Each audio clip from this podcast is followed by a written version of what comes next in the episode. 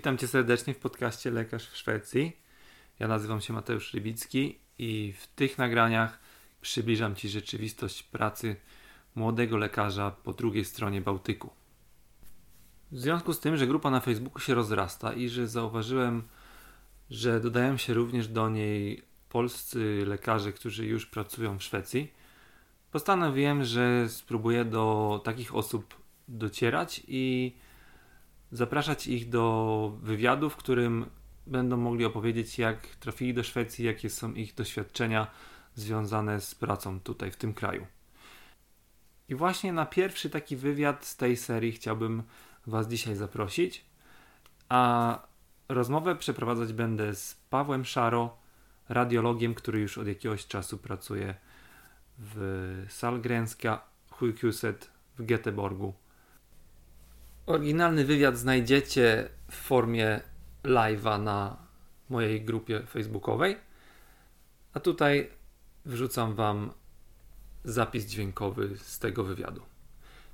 Zatem miłego słuchania.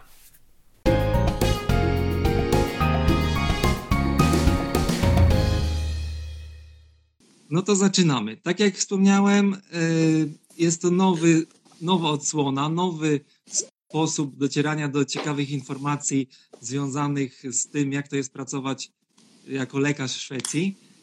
I tutaj tak, taki, takiego pierwszego ochotnika, którego znalazłem yy, w ostatnich tygodniach, to jest właśnie Paweł Szaro, radiolog. Yy, za chwilkę troszkę więcej o sobie sam opowie na wstępie. Y, ja tylko powiem, że y, z Pawłem poznaliśmy się w ten sposób, że Paweł dodał się właśnie do mojej grupy, lekarz Szwecji, całkiem niedawno, jakiś miesiąc temu. Tak, y, mniej więcej. I widziałem, że Paweł jest na Facebooku w różnych grupach, które mi wskazywały na to, że coś, jakąś ma aktywność w Szwecji, więc się do niego zgłosiłem i tak się zaczęła nasza rozmowa i ja stwierdziłem, że jego historia jest bardzo ciekawa, więc warto jest, żeby się podzielił tym, jak, jak to jest, że właśnie znalazł się w Szwecji i jak, jak to jest, że jest teraz w tym punkcie, w którym obecnie się znajduje. Także Paweł, proszę Cię, przedstaw się, powiedz kilka słów o sobie, takich podstawowych. E, co mogę powiedzieć? No, jestem radiologiem, specjalistą. Pracuję w zawodzie jako specjalista 4 lata w zasadzie. Przeprowadziłem się tutaj rok temu. E, całą właściwie swoją dotychczasową karierę e, prowadziłem w Warszawie. Tam robiłem specjalizację w pierwszym zakładzie radiologii klinicznej na Chałubińskiego, ale równolegle pracowałem też w zakładzie anatomii prawidłowej. Tam uczyłem studentów anatomii. E, no i w pewnym momencie przeniosłem się do Szwecji. Pochodzisz tak w ogóle z Warszawy? Nie, ja nie jestem z Warszawy, jestem z Podkarpacia. Natomiast do Warszawy się przeprowadziłem z okazji studiowania i tam po prostu już zostałem. W 2000 roku się przeniosłem do Warszawy i już nigdy nie wróciłem z powrotem e, na południe, tylko zostałem w mieście stołecznym, a teraz tutaj. Aha. Powiedz, jak to się stało? Gdzie był ten taki punkt mm, wyzwolenia? Skąd się w ogóle pojawiła u ciebie, pojawił u ciebie pomysł w Szwecji? Gdzie to, gdzie to się zaczęło? Wiesz co, to jakby cała cały, cały projekt Szwecja tak naprawdę jest wielo, bardzo wielowątkowy. To jakby nie była jedna prosta decyzja, która zaskutkowała po prostu, że spakowałem rzeczy i przyjechałem tutaj. E, jakby samo moje zainteresowanie Szwecją tak naprawdę trwało już od dłuższego czasu, bo e, ja zawsze bardzo ciepło myślałem o północy i mi zawsze tutaj się bardzo podobało. Później przekształciło się trochę to w takie hobby po prostu, w sensie, że często tutaj przyjeżdżałem, e, dosyć jakby niecodzienny sposób, jakby nietypowy sposób spędzania wakacji. To znaczy za kołem podbiegunowym na przykład. Trochę poznałem tą jakby Szwecję e, tak bardzo jako turysta w zasadzie na początku. Mhm. Więc na początek to była taka fascynacja bardzo turystyczna, że tu jest pięknie, że tu, jest, że tu są takie niezwykłe rzeczy, to czego nie ma w Polsce, że możesz wędrować dwa dni przez bagna po takiej deserce na przykład. Jak ktoś z Was e, korzystał czy szedł po Kungsleden, to wie, że jest to naprawdę coś niezwykłego, tak, że możesz przez cały dzień nikogo nie spotkać na przykład na trasie. Znaczy jest to coś, coś co mnie jakby zawsze fascynowało tutaj, taka dzikość tej północy.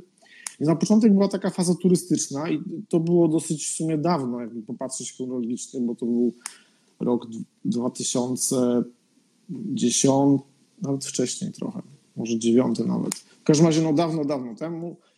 Później y, z okazji tego, że zacząłem specjalizację w, no, z radiologii, no to miałem te 5 lat takiego bardzo stacjonarnego pobytu w Warszawie. Te, ta Szwecja była, była odwiedzana oczywiście, ale to raczej krócej, nie, nie tak jak kiedyś dawniej. No i pracując, w, tak powiem, w polskim systemie zdrow służby zdrowia, doświadczyłem tego, co chyba większość z nas doświadcza, e, po prostu zużycia materiału. E, w pewnym momencie. Niestety, no, tru, trudno to może jakby zrozumieć komuś, kto nie pracuje jako lekarz, ale tu wszyscy jesteśmy lekarzami, więc każdy myślę, że mnie zrozumie, że jest w pewnym momencie taki moment, gdzie wytrzymałość materiału jest mniejsza niż napór, który na ten materiał jest. E, I postanowiłem, jakby połączyłem dwa fakty, że no, sytuacja w, w pracy była dosyć, bym powiedział, e, osobliwa, e, nie wchodząc w szczegóły. Natomiast stwierdziłem, że to może właśnie jest dobry moment, żeby zrobić użytek z tego języka na przykład. Zwłaszcza, gdzie że... Się, gdzie no... się pojawił taki pierwszy krok, bo tu mówisz cały czas o tym, że, że Szwecja cię bardziej zainspirowała pod tym względem przyrodniczym, kulturowym, że spędzałeś tam czasami wakacje, a gdzie się pojawił ten pierwszy taki y, krok, że y, w tym kierunku właśnie medycznym, że coś mogłeś, mm. jakieś plany Y, wysnuć w tym kierunku, żeby być właśnie lekarzem w Szwecji?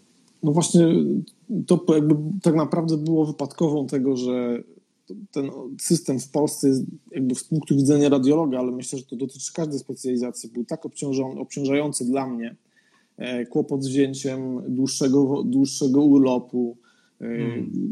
takie rzeczy organizacyjne, plus no, to, co myślę, że każdy z nas doświadcza E, że niekoniecznie zawsze bycie ambitnym to popłaca w, w Polsce, więc e, no tak, się, tak się złożyło, że w pewnym momencie ta praca była dosyć trudna w miejscu, które uważałem, że jakby jest moim takim podstawowym, głównym miejscem pracy.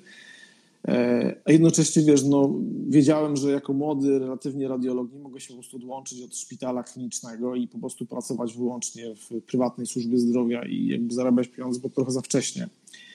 E, I jakby w tym samym okresie czasu pojawiła się bardzo ciekawa propozycja pracy tutaj właśnie z Szpitala Uniwersyteckiego w Göteborgu Solgrenska w zakładzie radiologii mięśniowo-szkieletowej, a jakby dla, no, pewnie większość z Was, no nie wiem, bo nie znacie mnie, ja, ja, ja pracuję jakby od dawna już jestem zainteresowany radiologią mięśniowo-szkieletową, to też był przedmiot mojego doktoratu, układ, układ ruchu, konkretnie ścięgna Achillesa, jak bardzo chciałem w tym jakby w tym kierunku się rozwijać. E, a, a ponieważ ona napotkała na po prostu trudności dosyć spore w, w moim macierzystym zakładzie klinicznym, więc y, musiałem zmienić to na jakieś inne, a ten, ta propozycja szwedzka wydała mi się o tyle rozsądna, że po pierwsze była to taka konstelacja tego, że y, był to tematycznie zakład, który mi niezwykle pasował, plus możliwość rozwoju, bo jest tutaj masa rzeczy, właśnie tu jest jakby podejście do, do radiologii mięśniowo-szkieletowej absolutnie całościowe, tu nie ma, nie ma niczego, czego brakuje. Tu jakby temat rozciąga się od e, urazów przez e, zmiany guzowe, skończywszy na reumatologii, łącznie z radiologią dziecięcą, onkologią dziecięcą i wszystkim, co dotyczy układu ruchu. To jest centrum mięsakowe również skandynawskie, więc to jakby no, jest to bardzo dobre miejsce z punktu widzenia kształcenia, bez, jakby bez wątpienia jest od kogo też się uczyć tutaj. E, więc stwierdziłem, że trzeba spróbować. Że być może powiedz, jest to znak czasu po prostu. Powiedz, jak znalazłeś ten kontakt, bo mówisz, że dostałeś jakąś ofertę pracy, ale w jaki sposób namierzyłeś to? Sam Wiesz, gdzieś pisałeś jakieś maile i wyszukiwałeś aktywnie, nie, szukałeś dla siebie pracy? Znaczy, czy... W jakimś sensie nie, nie, nie, aktywnie nie robiłem tego. Ta oferta się pojawiła y, z takiej firmy rekrutacyjnej, która jakby rekrutuje ludzi do Szwecji. Ja tam już od dawna byłem w tej bazie i tylko propozycje, które mi przysyłano, niekoniecznie mi pasowały właśnie albo tematycznie, albo było to, było to jakieś bardzo małe miasto, e, które wtedy jakby z automatu odrzucałem, co wcale nie jest, że tak powiem, jakby będąc tutaj już na miejscu, wcale nie było takim bardzo rozsądnym podejściem, bo małe miasta w, Szwecji też oferują bardzo fajne i zdecydowanie mogę powiedzieć konkurencyjne warunki w stosunku do dużych miast. Ja pracuję w Göteborgu, więc to jest drugie pod względem wielkości miasto e, w Szwecji. Więc jakby tak to było. Tak, a później miałem oczywiście, nie musiałem się uczyć języka, bo ja ten język już wtedy znałem na poziomie C1, więc jestem takim wymaganym, żeby otrzymać prawo wykonywania zawodu w Szwecji. Więc okay, czyli to w ten sposób było. W momencie wyjazdu już znałeś język na poziomie C1. Tak, ja wyjechałem tam już jakby z pełną znajomością języka. Ja już nic tutaj, też nie douczałem się niczego w trakcie rekrutacji.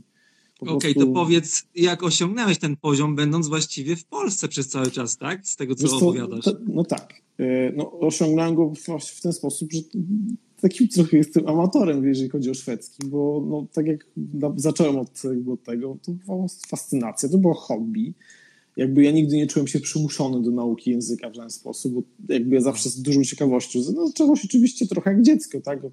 E, piosenek szwedzkich tłumaczyłem sobie wtedy, można było skorzystać spokojnie z tłumaczenia polskiego czy z angielskiego i bez, bezproblemowo pewne słówka tak zaczęło, zaczęły się powtarzać. Potem się jakby trochę bardziej w tej muzyce skandynawskiej, a właściwie szwedzkiej, głównie trochę norweskiej też e, bardziej orientowałem zacząłem mieć swoich ulubionych, y, jak Weronika Madzio na przykład, no i to jak był wtedy, już sam sobie tłumaczyłem te teksty. W pewnym momencie, wiesz, zaczynasz trochę, zacząłem trochę słuchać radia, niewiele na początek wtedy rozumiałem, ale po prostu słuchałem, więc były rzeczy, które umiałem wymówić, ale nie wiedziałem, co znaczą. Natomiast, wiesz, jak już jesteś na tym etapie, to łatwiej, łatwiej się jakby nauczyć, aha, to jak to mówią, to znaczy to. Więc mhm. ja, ja, zacząłem trochę od drugiej strony niż zazwyczaj się zaczynam, tak? Zazwyczaj tak klasycznie w książce, jak idzie do szkoły, to zaczyna się od drugiej strony. Ja trochę jak dziecko, tak? Uczyłem się, wiedziałem, że coś się mówi tak, a nie wiedziałem, co to znaczy, bo to jakieś wyrażenie się bardzo często powtarzało. No i Czyli... to w ten sposób się jakby języka nauczyłem. To był taki długi okres, bo to nigdy nie miało charakteru takiego katedralnego nauczania, więc ten, ten mój język też w jakimś jest trochę nierówny, tak? Ja bardzo dobrze mówię, wszystko rozumiem, co do mnie mówią i to, co, to, co słyszę, to też rozumiem, nie mam kłopotu. Natomiast czasami mam kłopot z pisaniem, tak? Bo nigdy nie musiałem dużo pisać po szwedzku, więc natomiast na szczęście tu można dyktować, więc problem jest trochę z głowy. Nie mam też jakiejś stymulacji takiej, żeby się uczyć pisać, tak? Natomiast oczywiście to z czasem przychodzi, no i już widzę, że po tym roku, który tu mieszkam, już z tym pisaniem jest dużo, dużo lepiej. Okej, okay, a wróćmy jeszcze do tego języka na chwilę. Mhm. Czyli ty nigdy nie miałeś żadnego nauczyciela języka szwedzkiego, sam Wiesz się to, wszystkim... To nie jest tak, że nie miałem zupełnie. Po prostu główną, główną część języka się nauczyłem sam.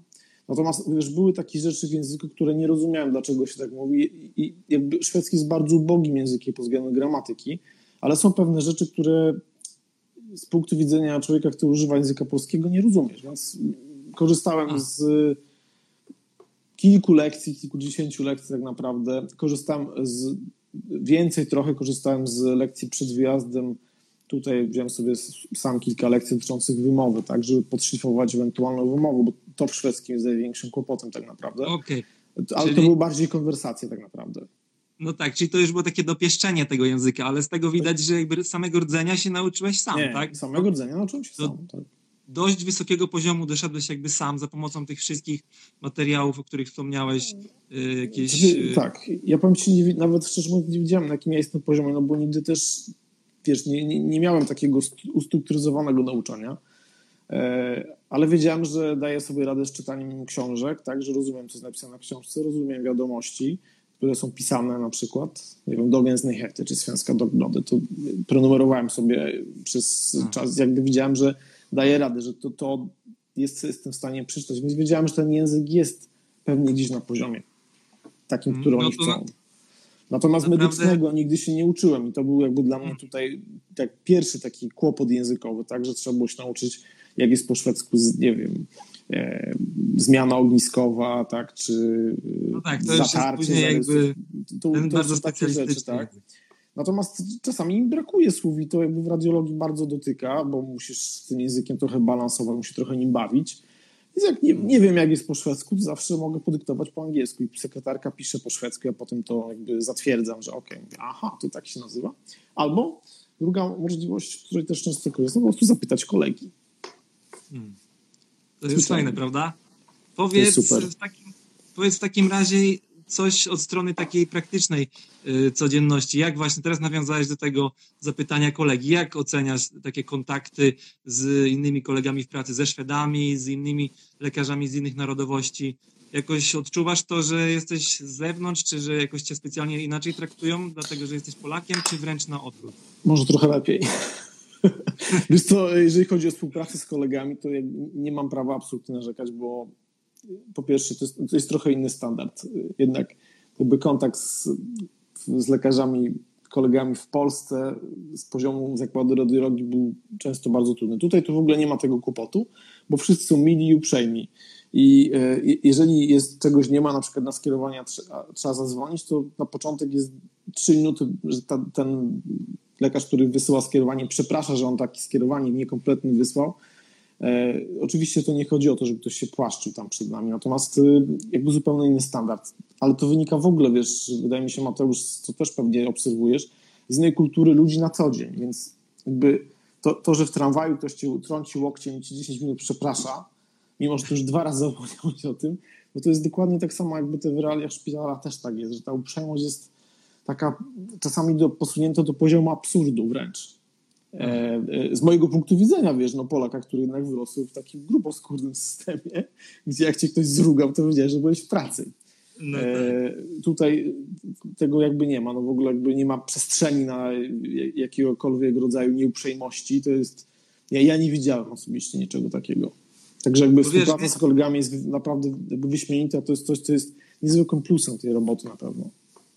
Bo ja na przykład słyszę czasami takie opinie osób, które się wahają przed wyjazdem do Szwecji albo gdzieś tam rozmyślają, ale nie są tego pewne, że właśnie, a jak to jest, jak się jest odbieranym jako taki przyjezdny, jako polski lekarz, czy jakoś może patrzą z góry na ciebie, albo że nie wiem, może nie masz tego samego dobrego, odpowiedniego poziomu. Na przykład niektórzy robią powiedzmy staż w Polsce i później się czują też niepewnie wyjechać na specjalizację albo po specjalizacji. Wiesz co? Czyli ty jakby nie, nie doświadczyłeś czegoś takiego. Znaczy w ogóle takie wątpliwości są uważam jakby nieuzasadnione. Po pierwsze u nas ten system kształcenia, przynajmniej mogę radiologii powiedzieć, jest naprawdę na wysokim poziomie. I jeżeli ktoś, jeżeli specjalista wyjeżdża tutaj, to ja nie wyobrażam sobie, że sobie nie poradzi, tak? Tutaj jakby nie ma, nie sądzę, żeby tematycznie kogoś to zaskoczyło. Więc jakby to, to te, wiadomo, że każdy się boi, bo to, są, to jest stres, sam wiem, bo też sam zastanawiam się, czy ja dam radę, czy ja będę umiał to opisywać. E, Poza tym nowy teren też. Nowy teren to też jest, natomiast myślę, że są to dosyć uzasadnione strachy już z perspektywy człowieka, który rok tutaj pracuje, mogę powiedzieć. E, natomiast dosyć naturalne chyba. Tak mi się wydaje, że to każdy z tego będzie doświadczał, kto wyjedzie, bo nigdy nie będziemy pewni, że okej, okay, czy ja tam będę umiał. No to, co tutaj jest jakby taką nowością w mojej dziedzinie, coś, czego w Polsce nie ma, no to wynika z braku radiologów. W Polsce nie opisuje się w zasadzie, albo w niewielu miejscach, zdjęcie radiologiczne kości. Tutaj wszystkie zdjęcia radiologiczne kości, złamanie, niezłamanie, tak? Wszystko się opisuje, każde badanie radiologiczne jest opisane. To, co teoretycznie w prawie atomowym polskim też jest. Natomiast nie, niewiele jednostek znam, które się stosuje. No, tego jest po prostu taka ilość, że za mało tych radiologów, rozumiem, jest w Polsce. Natomiast tu się opisuje, nie każdy, który, kto jakby nie pracował akurat w mięśniowo-szkieletowym układzie, jakby z tym sobie może poradzić. To jest jakby coś, co też się da nauczyć. To, to nie jest coś nadzwyczajnego, czego nie można się nauczyć. A powiedz coś więcej jeszcze o ogólnie tak o systemie pracy, jak Ci się podoba tryb pracy. Jeszcze przepraszam, pytałeś tutaj... mnie e, o tym, że się tam, bo to też jest coś, co czasami mnie pytają moi znajomi, tak, którzy wiedzą, że wyjechałem, czy się bały, że jesteś z Polski, czy Cię będą gorzej traktowali. Też zadałeś to pytanie. Więc ja uważam, ja uważam, że nie, że po pierwsze, że jest ta uprzejmość taka szwedzka posunięta do naprawdę wysokiej granicy, to jest raz. Ja mogę powiedzieć tyle, że w zasadzie po, po, roku pracy tam, właściwie po sześciu miesiącach pracy dostałem nadzór nad rezydentami w zakładzie. Jestem odpowiedzialny za ich kształcenie. Żyjcie dużym zaufaniem. No nie, no jakby no nie mogę naprawdę, nie mam powodu nawet najmniejszego narzekać, żeby ktoś mi tutaj nie doceniał. Prowadzę zajęcie ze studentami to też nie wszyscy, nawet Szwedzi to mają, tak? Ja dostałem ich, bo zauważyli, że to jest taka moja stara, jakby stary nawet taki dydaktyczny trochę, więc jakby ja nie, nie mogę powiedzieć, czuję się naprawdę doceniony. E, jeżeli są jakieś kursy specjalistyczne i tylko, nie wiem, napomknę szefowi w korytarzu, że chcę jechać, to po prostu to jest niezwykłe, jak to pięknie tu funkcjonuje, że dostajesz pakiet, bilet, hotel i po prostu wiesz, że jedziesz i ci nic nie obchodzi, to poza tym, że masz spakować swoje rzeczy. Więc jakby ci, ci którzy się boją, że przyjadą, że z Polski, że będą gorzej patrzyli, nie wiem, no ja, ja niczego takiego nie, nie, mhm. nie doświadczyłem absolutnie, wręcz bym powiedział, że przeciwnie, na każdym kroku naprawdę czuję się, że no i doceniają po prostu. No ja też się staram, jakby daję się bardzo dużo, więc to nie jest tak, że tylko Super. leżę sobie tutaj i odcinam kupony. Natomiast nie mogę powiedzieć, że nie doceniam. Przeciwnie, czuję się bardzo doceniony. Fajnie, no to miło słyszeć. Ja mogę ze swojej strony też dodać, że ja znam e, tutaj w obszarze Karskrony też bardzo wielu polskich specjalistów na różnych oddziałach, bo też e, jako, że e, robiłem różne staże z medycyny rodzinnej, i naprawdę przeszedłem przez bardzo wiele różnych oddziałów, to mogę przyznać, że faktycznie polscy specjaliści są, polscy specjaliści są bardzo cenieni i bardzo wysoko mm. oceniani przez Szwedów. Także naprawdę nie ma się czego wstydzić, nie ma się czego obawiać. Nie. I mamy ja, bardzo znaczy ja dobry tak poziom kształcenia. Przynajmniej jeśli chodzi o teoretyczny, a praktykę, no to też yy, no, dobrą, a jak ktoś poszukuje wysokiej jakości takiego jakby mm, specjalistycznego kształcenia, no to w Szwecji myślę, że można też polecić te właśnie specjalizacje. Ja przynajmniej ze swojej perspektywy widzę, że na przykład z medycyny rodzinnej to jest bardzo, bardzo szeroka kompetencja. No, u, was tu już jest w ogóle jakby ta medycyna rodzinna w Polsce i w Szwecji to są, mam wrażenie, dwie różne specjalizacje. Ja trochę, no, nie, nie mogę powiedzieć, że jakoś dużo współpracuję z lekarzami medycyny rodzinnej, ale jakby oni wysyłają bardzo dużo skierowań również i to, co, to, to właśnie był mój taki pierwszy szok tutaj, e, gdzie przysyła lekarz e, medycyny rodzinnej skierowanie z zapytaniem o, o, o, złamanie i ten pacjent do niego wraca na przykład.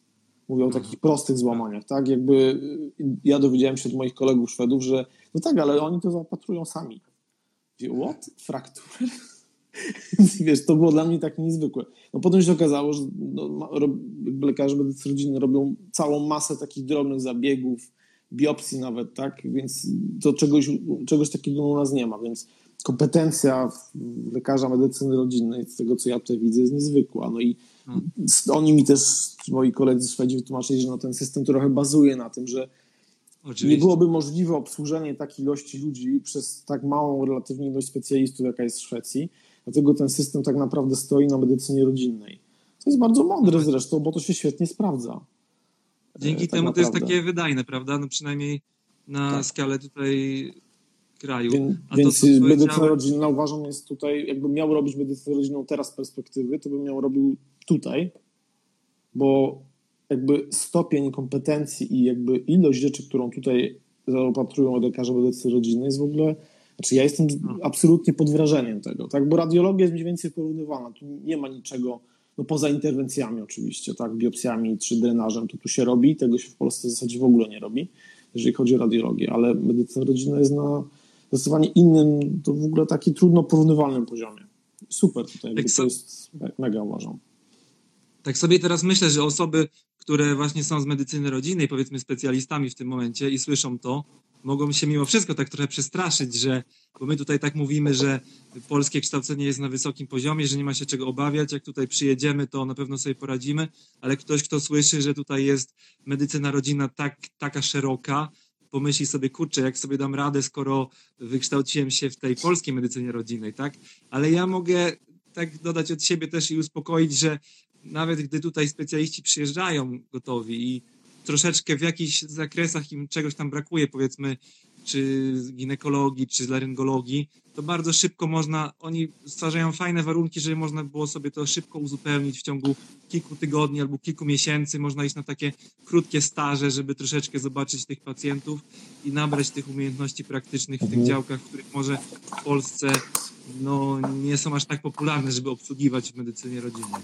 Natomiast ja uważam, że pod względem jakby takich wyzwań i ciekawości, to no, ta medycyna rodzina tutaj zdecydowanie jest super, jakby na mega poziomie, więc no, oczywiście tu w każdej dziedzinie jest tak, że jak zmieniasz szpital, to też są nowe rzeczy, tak, tak samo jak zmieniasz szpital polski na szwedzki, to, to myślę dotyczy każdej specjalizacji. Masz ten okres adaptacji półroczny, który mm. oni jakby przyjmują per se, że to będzie jak ktoś szybciej wyrobi niż pół roku z adaptacją, no to pewnie super, cieszą się. Natomiast nie ma problemu. Nie wiem, no, ja mam akurat takiego szefa, który przychodzi nowy, młody specjalista do pracy, no to no tutaj jest tak, że wiadomo, że nie ogarnia wszystkiego. Ten szwedzki system kształcenia rezydentów radiologii jest trochę inny.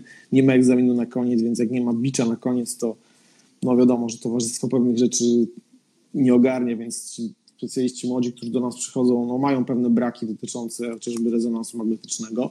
Często, często bywa tak, że totalnie w ogóle nie, nie opisywali nigdy rezonansu magnetycznego albo nigdy nie chcieli się nauczyć, bo oni w zasadzie na dyżurach tego nie opisują, więc to też nie było takiego, nie było okazji egzaminacyjnej, tak? Mhm. Dlatego ja myślę, że nie ma, jakby polski lekarz nie powinien się bać, bo to, że mamy ten tak wyśrubowany egzamin na koniec, yy, kosmicznie i wręcz absurdalnie, to jakby też sprawia, że mamy też szerszą kompetencję. No, nawet jeżeli nie jest to praktyczna kompetencja, no to wiesz, o czym mówią do ciebie i dorobienie sobie tej praktycznej wiedzy w pomocy właśnie z dosyć naprawdę sympatycznymi kolegami, bo myślę, że to działa mniej więcej wszędzie, e, bo zakład radiologii tutaj w tym moim szpitalu jest podzielony na kilka sekcji. Miałem okazję jakby być właśnie w każdej sekcji, jakby ta, ta, ta taka sympatyczna atmosfera jest no wszędzie identyczna. Oczywiście na, w mieście Woszkielotowym jest najlepiej, to oczywiste. E, ale w zakładzie radiologii czy radiologii naczyń i jamy brzusznej jest równie miło i jak dzwonisz tam, to nigdy nie było tak, że nie masz, nie, nie dostaniesz pomocy, tak? Zawsze jest bardzo miło, tak? I nieraz jeszcze ktoś coś ci opowiada, także kształcisz się też przy okazji do tego. Ja korzystałem wielokrotnie z takiej pomocy przez telefon, bo tak, że ktoś mi badanie oglądał. E, I to było bardzo miłe, to jest bardzo fajne, więc nie ma się czego bać. W ogóle tutaj jest inna kultura pytania, tak? Tu nie ma Szwedzi, Szwedzi nie mają tej no właśnie, kultury, że wszystko musisz wiedzieć, że jakby to nie, nie ma tego takiego męczącego jak w, w, Polsce, gdzie wszyscy się wysilają, że wszystko, wszystko wiedzą i tak samo opisujesz świetnie guzy kości, jak i guzy mózgu i masz, jesteś profesorem omnipotentem. Tak? Tutaj tak nie ma. Nawet jeżeli jesteś profesorem w układzie mięśniowo-szkieletowym, to wiesz, że pracujesz w artritach na przykład i może, powiedzmy, trauma sportowa to nie jest twoja najmocniejsza strona i oni o tym mówią otwarcie. Nie, to zerwania krzyżowego to, to idź do Ilwy, ona, ona to zna e, na przykład, no tak? Właśnie. Więc jakby nie ma, tej, nie ma tego takiego, takiego ciśnięcia, że ty masz być, wszystko musisz wiedzieć. Nie ma. Tutaj jakby masz prawo, jest to bardzo dobrze widziane, że wiesz co, to idź do kogoś, kto się tym zajmuje na przykład, on będzie wiedział lepiej. Jest zupełnie inne podejście, inna kultura i to mi się też bardzo podoba. Jest bardzo szczere, wiadomo, że nie każdy wszystko ogarnia, E, i starasz się robić wszystko najlepiej, jak potrafisz, ale czasami masz jakieś zapytanie. Dlatego. I to, i to zarówno mam wrażenie też wobec kolegów, że jeżeli czegoś się nie wie, to często y, różne osoby się powiedzmy bardziej niszują w różnych tematach i mhm. można się nawzajem spytać o różne sprawy, ale też nie jest, uważam, tutaj tak zauważam tak, że nie jest wstydem nawet się pacjentowi przyznać, że powiedzmy nie jesteśmy w stanie dotrzeć dokładnie nie, do oczywiście. diagnozy, czy czegoś to... powiedzmy nie wiemy i musimy się skonsultować ze starszym kolegą, albo zadzwonić powiedzmy do specjalisty, do szpitala i porozmawiać przez słuchawkę chwilę, albo nawet y, no, wysłać gdzieś dalej, żeby ta diagnostyka została dalej posunięta. I nie jest to żadnym wstydem, po prostu nie. powiedzenie przed pacjentem wprost, że no nie wiem dokładnie, yy, co jest twoją diagnozą, tak? Wiesz co, Mateusz, i to chyba było, jak teraz myślę sobie retrospektywnie, że to chyba było największym moim szokiem, jaki jest stosunek pacjenta do lekarza tutaj, lekarza do pacjenta, a później dopiero lekarza do lekarza. Bo to jest zupełnie inaczej niż u nas. U nas, po pierwsze, ci ludzie tutaj y, mają bardzo duży szacunek do, do lekarzy. No, najczęściej jest tak, że pierwszym lekarzem, który spotyka pacjenta przy USG, na przykład to, co mogę ja powiedzieć, to jest lekarz rezydent. Tutaj najczęściej jest no, mało doświadczonym, bo my akurat mamy rezydentów, którzy zaczynają dopiero swoją karierę, więc są tak naprawdę bardzo zieleni, więc y, są szczęśliwi, jak znajdą ścięgno w ogóle gdzieś. Trudno powiedzieć, że dobrze je ocenią, tak? ale no po, po to jest specjalista, żeby to wszystko sprawdził. Natomiast y, no, wiele razy miałem taką sytuację, że rezydent informował pacjenta, och, to ścięgno jest zerwane, ale idę oczywiście po specjalistę, bo jakby on odpowiada za moją pracę. Więc przychodzę, przychodzę i patrzę, nie no, w ogóle to ścięgno jest wspaniałe i to, co widziałeś, było artefaktem. Zwyczajnie. Jakby pacjent w ogóle, o jak wspaniale, to super, że nie jest zerwany i tak dalej. Więc to jest, po pierwsze, oni są zadowoleni, że są zdrowi. Polski pacjent uwielbia mieć choroby. mam wrażenie. Jakby, z punktu widzenia radiologii oczywiście mówię. Ci ludzie, którzy się zapisują na płatne badania radiologiczne, uwielbiają jak mają jakieś zmiany. Jak opisuję badanie, które jest bez żadnych zmian, mają poczucie, że stracili pieniądze. Coś jest nie tak. Że coś jest, że albo, albo ten lekarz Czegoś jest brakuje. Tak? Ja, ja sam ja dalej pracuję dla jednej z polskich filtr radiologicznych i zdarza się czasami, że dostaję maila, że pacjent nie zgadza z opisem. Czego tutaj w ogóle nie ma. W ogóle tutaj jakby nie ma takiej możliwości, bo po pierwsze ten pacjent ufa, czyli że jakby no, jesteś kompetentny i robisz to dobrze. Nawet jeżeli trzeba powtórzyć, u nas na przykład zdarza się bardzo często, że powtarzamy biopsję bo materiał był pofragmentowany, bo biopsja była niereprezentatywna, bo coś innego się wydarzyło. Dzisiaj też taką biopsję robiłem drugi raz. Zwyczajnie, o, to pierwszy raz się nie udało, ale to może. Te... Miejmy nadzieję, że teraz się uda. Jak nie, to trzeci raz przyjdę. Jakby rozumiem, że to jest jakby zupełnie inne. U, u nas byłby dym, u nas byłaby zaraz taka, wiesz, taki klimat. No, może tego nie doświadczyłeś osobiście, ale ci, kto którzy pracują, to wiedzą, o, o czym mówię, tak? Więc jakby tu jest zupełnie inaczej. Jest y, taki Czyli... spokój, no. Oni są w ogóle wyluzowani. Wydaje mi się to, nawet jak patrzysz, idziesz, idziesz w mieście, tak? To jest inny klimat. Nie ma takiego, nie ma takiej tej kultury napadania jeden na drugiego. To jest taki zblazowanie, wyluzowanie. To jest, taki, jest, taki jest bardziej klimat. No i to też się udziela. Ludzie są spokojniejsi na co dzień. No. Ja nie mówię, że tu tak jest, tu jest raj, tu nie jest, jakby to nie jest tak, że tu jest raj, tu jest szereg też jakby minusów, ale zawsze są plusy i minusy każdego rozwiązania i warto tak wiedzieć, mówisz, jak to wygląda. Jak tak mówisz, Paweł, o tych pacjentach, yy, którzy yy, mają robione jakieś zdjęcia rentgenowskie i wychodzą tak z opisem, który jest całkiem prawidłowy i mimo hmm. wszystko są zadowoleni, to ja to mogę są, porównać... Oni są bardzo zadowoleni, ze, naprawdę. Ze swojego ogródka ja to mogę porównać do tego, że nie jest rzadkością, że pacjent wychodzi bez żadnej recepty, bez mhm. żadnego leku, bez żadnego, yy, jak to się nazywa, suplementu, i mimo wszystko jest zadowolony, bo uzyskał informacje, bo, tak. bo został zbadany i okazało się, że nie potrzeba żadnego leku, że nie potrzeba zapisywać żadnego suplementu i tym bardziej nie potrzeba zapisywać nic w formie, żeby sama ta recepta działała terapeutycznie. Po prostu mm. wystarczy, że się to powie i pacjent to akceptuje i wcale nie ma o to, prawda. To, co w radiologii na przykład bardzo tutaj lubię, co bardzo cenię, to to, e, jak ci lekarze też rozumują, e, po co my jesteśmy, po co są te badania. E, w sensie, że w Polsce powiedzmy, jak było złamanie, weźmy na to jakieś tam kości długiej, no to, to widać w rentgenie. No, zrobiliśmy rentgen, złamanie z przemieszczeniem i tak dalej. No po tym oczywiście co było? No była tomografia, która pokazała dokładnie to samo. Więc tutaj, tutaj jakby rozumują tak, ok, zrobimy następne badania, ale co ono nowego wniesie? No nic nie wniesie. No to nie róbmy, no bo to jest ekstra koszt i to jest też, co warto wiedzieć, tutaj jest jakby rzeczywista, rzeczywiste rozliczenia. W sensie, że jeżeli biopsja y, gruboigłowa kości, którą robimy, taka z wierceniem w bone core kosztuje 18 tysięcy koron, to to jest rzeczywisty koszt, który ponosi płatnik. Więc oni tutaj te badania rzeczywiście bardzo rozważają. I to, co ja też jako radiolog mogę powiedzieć, to jest fascynujące i fantastyczne, jak ci pacjenci są świetnie badani. To też jakby w, trochę w twojej jakby działki, tak? Jak jest pacjent wysyłany na rezonans, dajemy na to kręgosłupa lędźwiowego, to uwierzcie mi, najczęściej bym powiedział, no 60-70% zgadzają się poziomy, które lekarz wybadał. Także o, podejrzewam, że nerw L3 może być yy, uciśnięty na przykład tak po lewej stronie i to się normalnie naprawdę zgadza. W Polsce dla porównania masz y, informację y, y, rezonans kręgosłupa lędźwiowego, cel rezonans kręgosłupa lędźwiowego. Więc jakby nie wiesz, co się dzieje, czy spadła z konia, czy y, dźwignęła, czy coś innego się wydarzyło, tutaj no, pacjent jest naprawdę badany. Ale to wynika, myślę, mi się wydaje, Mateusz, że to wynika z tego, że oni naprawdę płacą za to. E, I, I, to chyba jest takim biczem, no bez sensu wysyłać, bez sensu tracić grubą kasę, bo te badania wcale nie no tak. są takie tanie.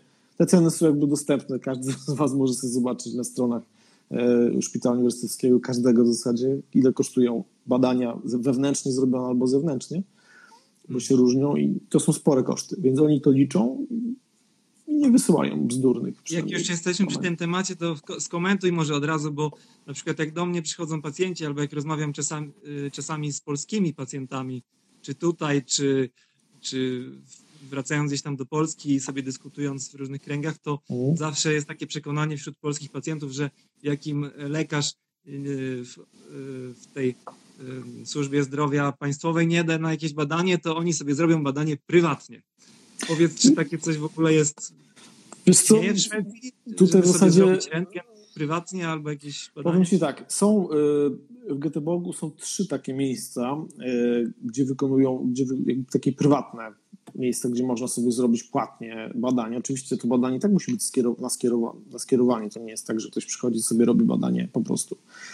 Natomiast tutaj jakby nie ma takiej kultury, na tyle, jakby tyle ufasz temu lekarzowi, że jakby nie próbujesz na własną rękę y, Działać. kosztem swoich pieniędzy, a potem frustracji, bo w tych badaniach nic nie wychodzi, bo bo Przecież ja uważam, że polscy lekarze są bardzo kompetentni, mówiąc ogólnie. Oczywiście, że są zawsze jednostki w każdą stronę. Natomiast tutaj jakby ja nie spotkałem się z czymś takim, szczerze mówiąc. Jest owszem, są, są ośrodki prywatne, co też jest super w radiologii, to jest centralny serwer całego regionu. Czyli jeżeli ktoś pójdzie sobie zrobić e, zdjęcie rentgenowskie w, nie wiem, w mieście pod Göteborgiem, to ja to widzę na swoim serwerze. E, Więc tak naprawdę to jest też super, bo to, to bardzo obniża koszty, tak, bo nie, nie, nie dublujesz badań. Więc to jest e, bardzo fajne, ale też widzę też te prywatne, bo te prywatne ośrodki też mają obowiązek podłączyć się pod serwery główne. Więc ja też widzę, że jeżeli pacjent sobie, ok, zrobił sobie w pewnej firmie, której nazwy nie chcę wymienić, e, e, zdjęcie rentgenowskie czy rezonans kręgosłupa, to ja też to widzę. Ja te badania mogę sobie oglądać i też widzę, jak ktoś coś tam opisał na przykład. Więc jakby prywat, prywatna służba zdrowia w Szwecji jest niezwykle marginalna. Jest owszem, ale jeżeli już jest to w innym Mało. charakterze niż jakby niż w Polsce, prawda? Że to nie jest, że pacjent na własną rękę sobie e, di- diagnozuje pewne rzeczy, tylko oj, nie, nie, nie. jeżeli już, no to są jakieś ośrodki zdrowia prywatne czy szpitale prywatne, ale to mimo wszystko funkcjonuje tak podobnie jak w tych państwowych e, jednostkach. Dokładnie tak. A słuchaj, powiedz, wracając jeszcze, idąc jakby za ciosem, za tym pacjentem jeszcze, Mhm. Powiedz, y, czy istnieje w Szwecji jakaś taka roszczeniowość pacjentów, że jakieś można natrafić na jakieś problemy, gdy się, nie wiem, przegapi jakąś diagnozę, albo można zostać pozwanym, albo Wiesz jakiś co, e, trudno mi na to, na to pytanie w całości odpowiedzieć. Ja mogę powiedzieć, jak się takie, jak się, jakie są mechanizmy do rozwiązywania czegoś takiego, bo to wiem. E, Po pierwsze, jeżeli chodzi o przeoczenie, to są tutaj takie kominki, akurat u nas w radiologii, nazywa się to audyt, gdzie masz analizę błędów, które zostały popełnione. Najczęściej to jakby nie są bardzo poważne błędy, ale na przykład mieliśmy niedawno taką sprawę, że w trakcie dyżuru zostało przegapione bardzo małe krwawienie podpajęcze.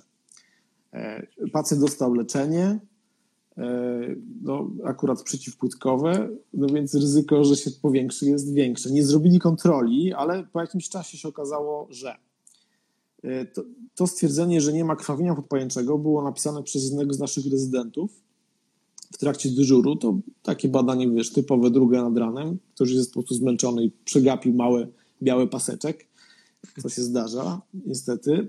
Natomiast specjalista na drugi dzień to wyłapał i napisał, że badanie oceniono tam drugi raz, bo każde badanie się dwa razy ocenia e, i jest y, zmiana opisu wstępnego, tylko, że nie zadzwoniono, że zmieniono opis. I oni chyba też nie, nie zaglądnęli do zmienionego opisu, który się nazywa DEF-Signiera, czyli taki już ostateczny opis i zwyczajnie leczyli tego pacjenta na podstawie tego pierwszego opisu. I tu w Szwecji jest coś takiego, co u nas się nazywa MedControl, pewnie u Was też, że można zgłosić każdą nieprawidłowość. Nie ma to na celu napiętnowania tego biednego rezydenta, który Bogu Wiesz co, dobrze, jest. że o tym mówisz, bo właśnie na dole, nie wiem czy śledzisz, ale pojawiło się nawet o to pytanie. To jest to samo co Avvikelse, prawda? E, tak. To jest właśnie MedControl, tutaj- czyli jakby MedControl rejestruje wszystkie tak zwane awikelser i behandling. Generalnie no, ma to na celu stwierdzenie, w jakim mechanizmie doszło do zaniedbania. Czyli jakby. To nie jest tak, że ten biedny rezydent weźmie, zostanie wezwany przez pana profesora i będzie go y, na dywanie maglował przez pół godziny, że jest kretynem idiotą. Jakby tego tutaj w ogóle, słuchajcie, nie ma.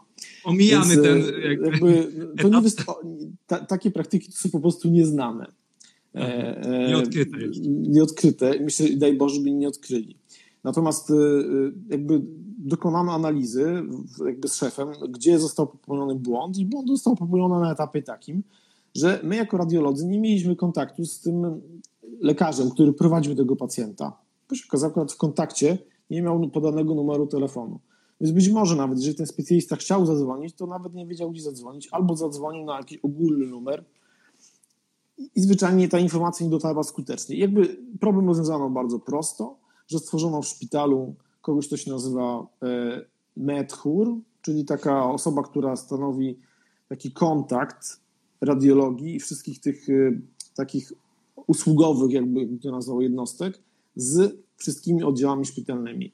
Czyli ta osoba przyjmuje, że zmieniono coś, że coś trzeba zrobić jeszcze raz na przykład, więc już wiemy, że jest taki numer dzięki tej sprawie, pod który zawsze dzwonimy, jeżeli zmieniamy opis, nieważne czy zmieniamy dotyczący złamania, że jest złamanie, a go nie było, albo odwrotnie, wiemy, że taki numer jest, więc jakby tak rozwiązują to, te sprawy tutaj. Natomiast czyli, pacjent... Czyli taka nie wiem, czy... Taka procedura, taka procedura nie ma na celu potępienia jednostki, nie. jakby totalnego jakby... zrównania z ziemią takiej, takiego, takiego lekarza, tylko bardziej nie. wyciągnięcia wniosków i wprowadzenia jakichś ulepszeń, żeby takie coś się drugi raz już nie powtórzyło.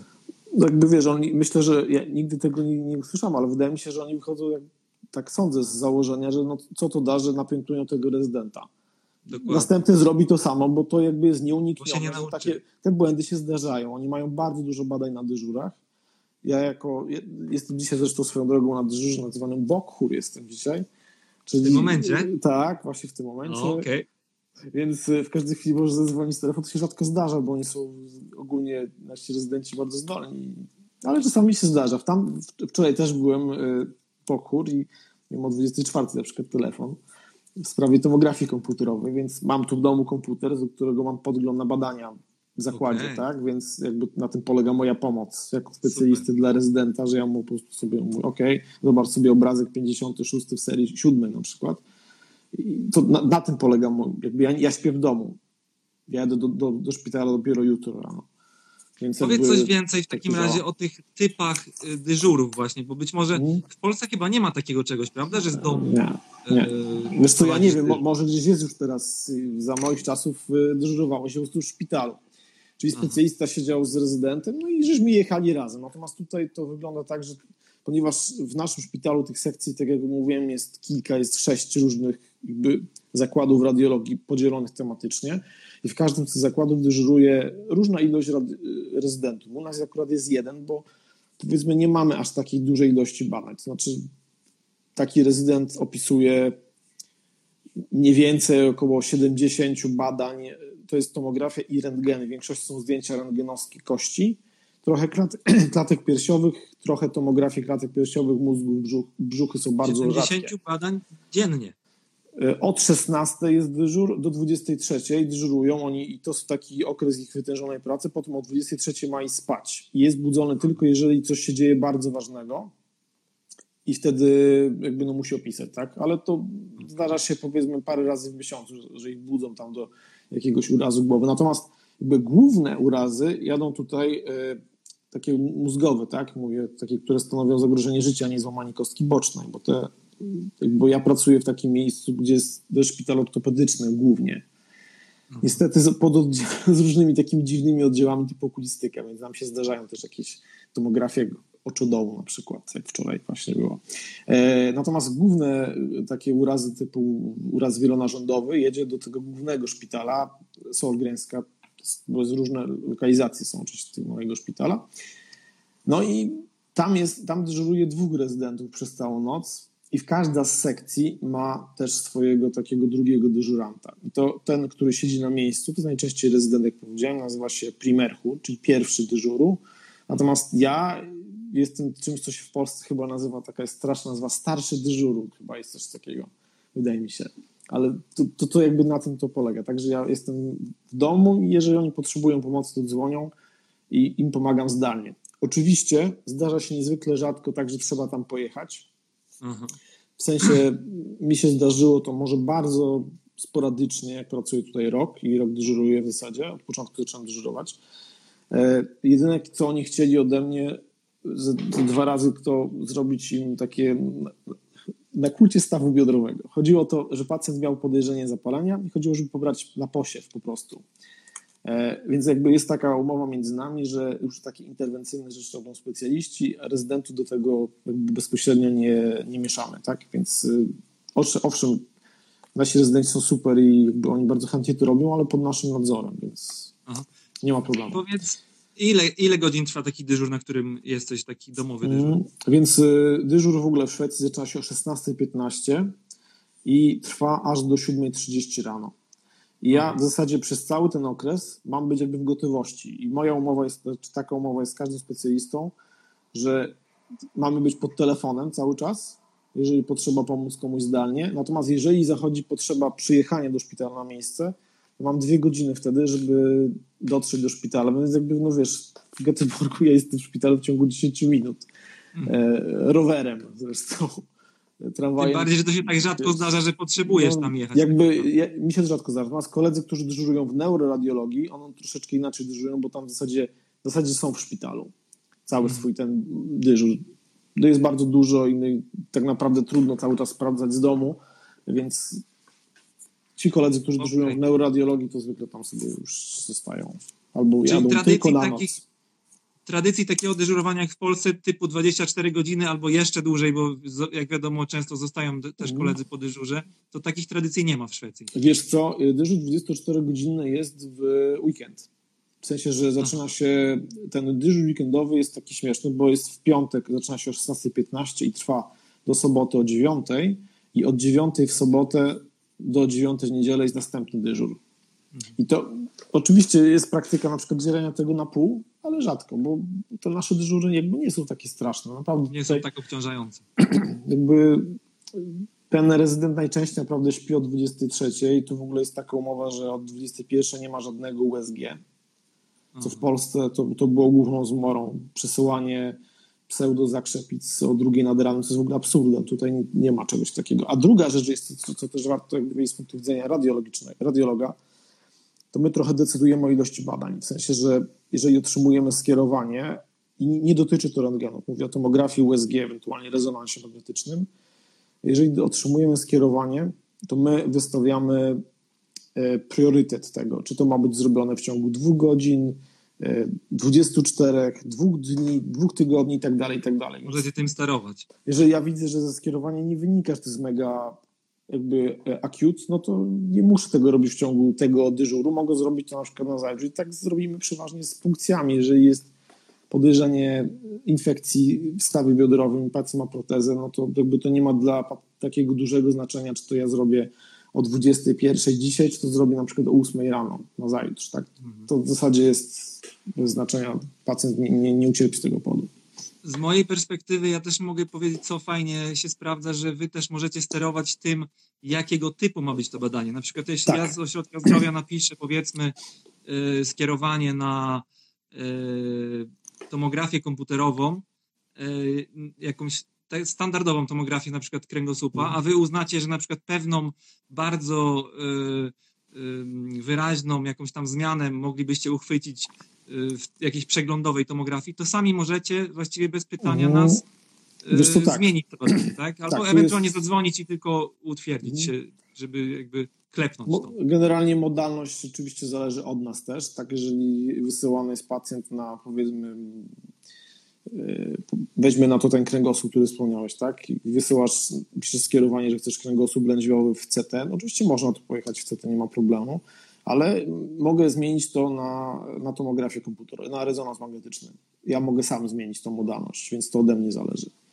No tak, o to mi chodziło. Albo tak. na przykład jak ostatnio wysłałem e, pacjentkę z bardzo powiększoną tarczycą, mhm. wysłałem ją na USG i to zostało zmienione na e, bodajże TK. Na CT, tak, żeby sprawdzić, co się tam, gdzie się nadósł. Tak, bo to była zamostkowy, zamostkowe mhm. wole jeszcze, więc jakby nawet bez specjalnie mojej wiedzy to zostało przekształcone tak. na CT, ponieważ radiolog uznał, że to będzie znacznie lepiej zobrazowane mhm.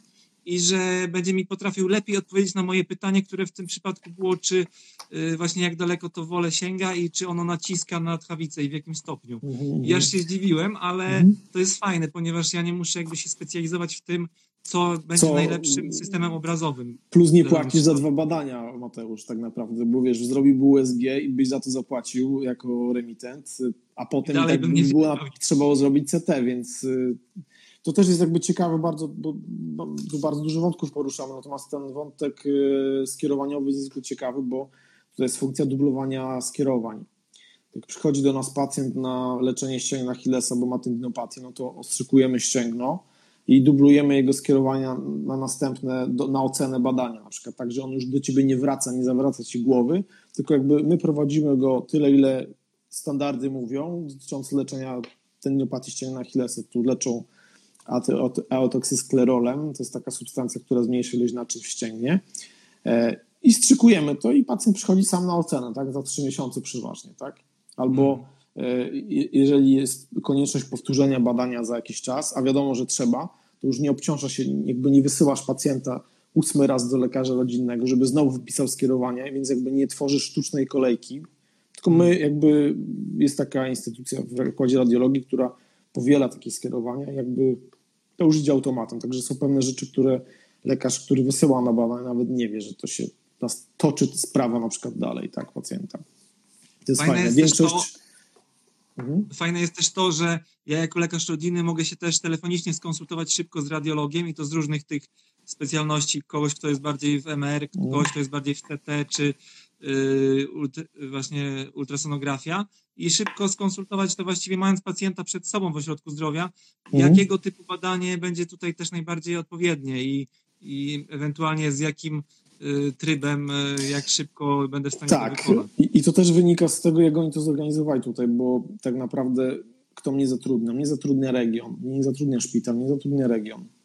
E, W związku z tym ten system lekarzy jest tutaj tak naprawdę wspólny dla całego ogromnego regionu. Ja pracuję w Westla Jotorans, region i to jest region, który obejmuje całą zachodnią w zasadzie część Szwecji, ogromny, więc jest wspólny katalog, to, tak jak powiedziałeś, chociażby telefonów, także jak ja się chcę połączyć z kimś z Boros, to jest miasto, które jest relatywie niedaleko tutaj akurat, e, to ja po prostu sobie znajduję to, ja to widzę, tak, jaki, jaki jest numer tego lekarza. I każdy lekarz dostaje telefon, ma ze sobą swój służbowy telefon, więc to, jeżeli jest w pracy, to masz możliwość, tak jak powiedziałeś, porozumienia się z nimi, to jest bardzo fajne uważam, akurat. Słuchaj, powiedzieliśmy dużo o, o pacjentach, o specyfikacji pracy, o tej współpracy między, na różnych poziomach między różnymi działkami. Jeszcze chciałbym, żebyś tylko coś więcej nawiązał do dydaktyki, o której troszeczkę się, o Mhm. którą troszeczkę się otarłeś, bo mówiłeś, że ci zaproponowano taką pozycję, żeby się zajmować właśnie stażystami. I jakbyś jeszcze mógł wspomnieć, bo wiem, że y, też y, działałeś naukowo w Polsce i zrobiłeś doktorat, tak? Tak. I też. Pamiętam, że opowiedziałeś mi, że udało ci się znostryfikować ten doktorat Mhm. tutaj w Szwecji i też pewnie, być może to może kogoś ciekawić, jak tego dokonałeś. Także jakbyś jeszcze na koniec Mhm, mógł jasne. te dwa tematy poruszyć. Więc jeżeli chodzi o dydaktykę, y, to tutaj system dydaktyczny jest zorganizowany zupełnie inaczej niż w Polsce. Y, To nie jest tak jak w Polsce, że masz oddzielne zatrudnienie lekarzy, tak zwanych dydaktyków i lekarzy szpitalnej, ponieważ tutaj wszystkim rządzi region, więc wszyscy są zatrudnieni przez region. Czyli ja po prostu przychodzę do pracy od 7.30 do 16.15, ale zdarza się czasami, że mam w tym okresie studentów. Ja nie mam jak to za to jakiś ekstra płatny, bo to jest jakby w godzinach mojej pracy, a pracuję u cały czas tego samego pracodawcy. Nieważne, czy jestem akurat teraz na uniwersytecie w sali wykładowej, czy jestem na uniwersytecie przy stacji ofisowej, więc to jest pierwsza rzecz. To jest inaczej niż, niż w Polsce. W Polsce musi być zatrudniony przez uniwersytet, są lekarze tak zwani akademicy, lekarze szpitalni, ten gorszy sort, co tam tylko pisze opisy. Więc y, to, działa w ten sposób, bardzo prosto. Co do, co do y, doktoratu, to rzeczywiście jest tutaj, bo znowu, możesz tego doktoratu zupełnie nie nostryfikować i oni, pierwsza rzecz w zasadzie była taka, to oni po prostu zaufali, że ten doktorat mam. Ja miałem tłumaczenie angielskie tylko tego polskiego dyplomu. No i dostałem za to kasę, bo tutaj jakby z automatu dostajesz, dostaje się pieniądze za to, że masz stopień naukowy. To jest jakby coś, co jakby nie zależy od szefa. Przedstawiasz.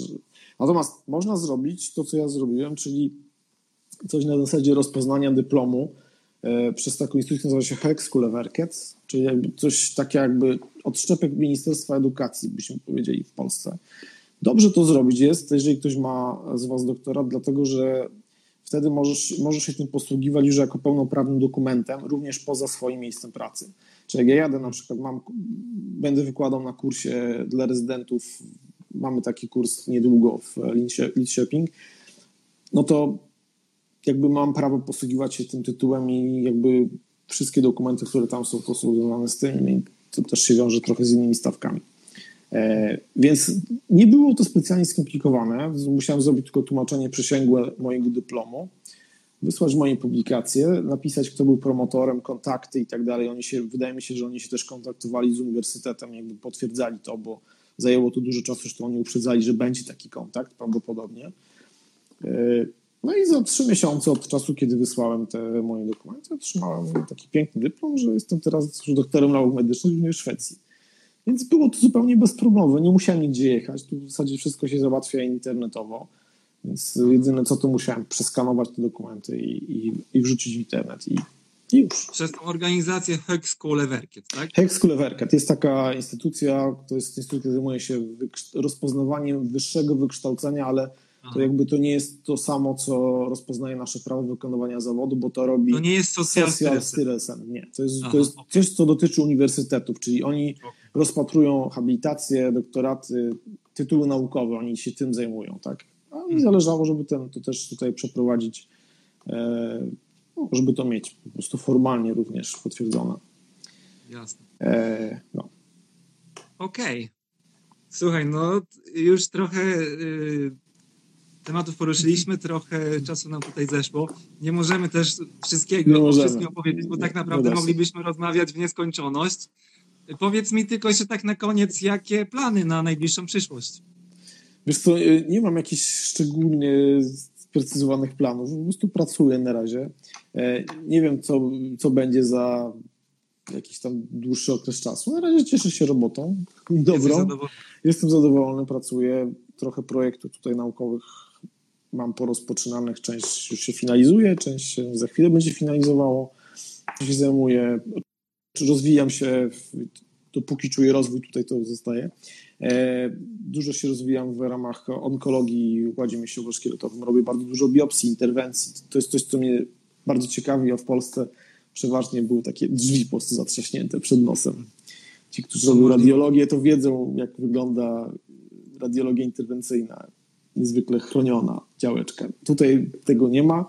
Ja jakby sam się nauczyłem dosyć szybko tych biopsji, więc teraz kształcę dwóch kolejnych kolegów.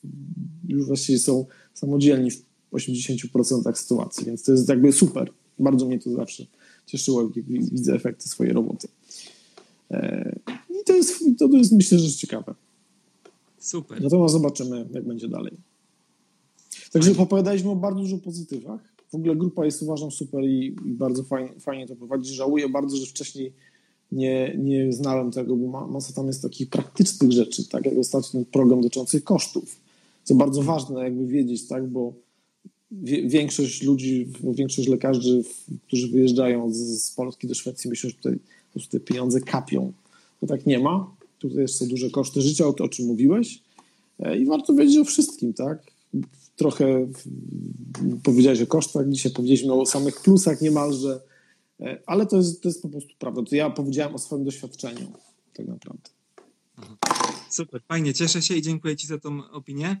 E, jeszcze chciałem Ciebie zapytać, bo y, tutaj podczas naszej rozmowy się pojawiało sporo komentarzy, jakieś tam pytania. Mm. Nie wszystko jesteśmy w stanie na bieżąco przerobić i też mm, nagrywamy na telefonach, także troszeczkę technicznie ciężko, ale y, czy moglibyśmy Możemy odpisać tak... po, po, wiesz, po, po, po tym, jak już zakończymy, no właśnie. tak? Jeżeli na przykład ktoś by jeszcze miał jakieś pytania, wątpliwości, czy może w takim razie napisać jeszcze pod y, relacją i czy mógł, mógłbyś odpowiedzieć na to? Jasne, Ewentualnie jasne, wspólnymi siłami postaramy się może jakoś tam jeszcze skomentować, jeżeli coś bardzo będzie. Chętnie, bardzo chętnie pomogę, bo jeżeli ktoś tutaj się wybiera, to no ja, to, co mi brakowało, ja wiesz, wyjechałem w nieznane tak naprawdę, nie znałem nikogo, kto tutaj pracuje. E, to zawsze jest fajne, wiedzieć trochę, jak to od kuchni wygląda. bo to jest trochę inaczej zorganizowane. Natomiast na pewno jedno mogę powiedzieć, nie ma się czego bać. Absolutnie. Świetnie. I tym optymistycznym akcentem myślę, że zakończymy. No, Y, Serdecznie Ci dziękuję, Paweł, za to, że się zgodziłeś powiedzieć ma kilka sprawy. ciekawych słów, właśnie na ten temat, jak, jak to się stało, że się znalazłeś w Szwecji, jak Ci się podoba praca i ten cały system. Y, Życzę Ci samych sukcesów i pozostajemy w kontakcie. Być może zobaczymy, może uda nam się nawet spotkać jakoś. y, no mam nadzieję. Teraz króla nie jest tak daleko. Dokładnie. A ja czasami też do, od czasu do czasu zaglądam do Göteborga, więc być może y, uda się jeszcze pogadać osobiście. Dziękuję Ci serdecznie i Tak. wszystkiego dobrego. Trzymaj się.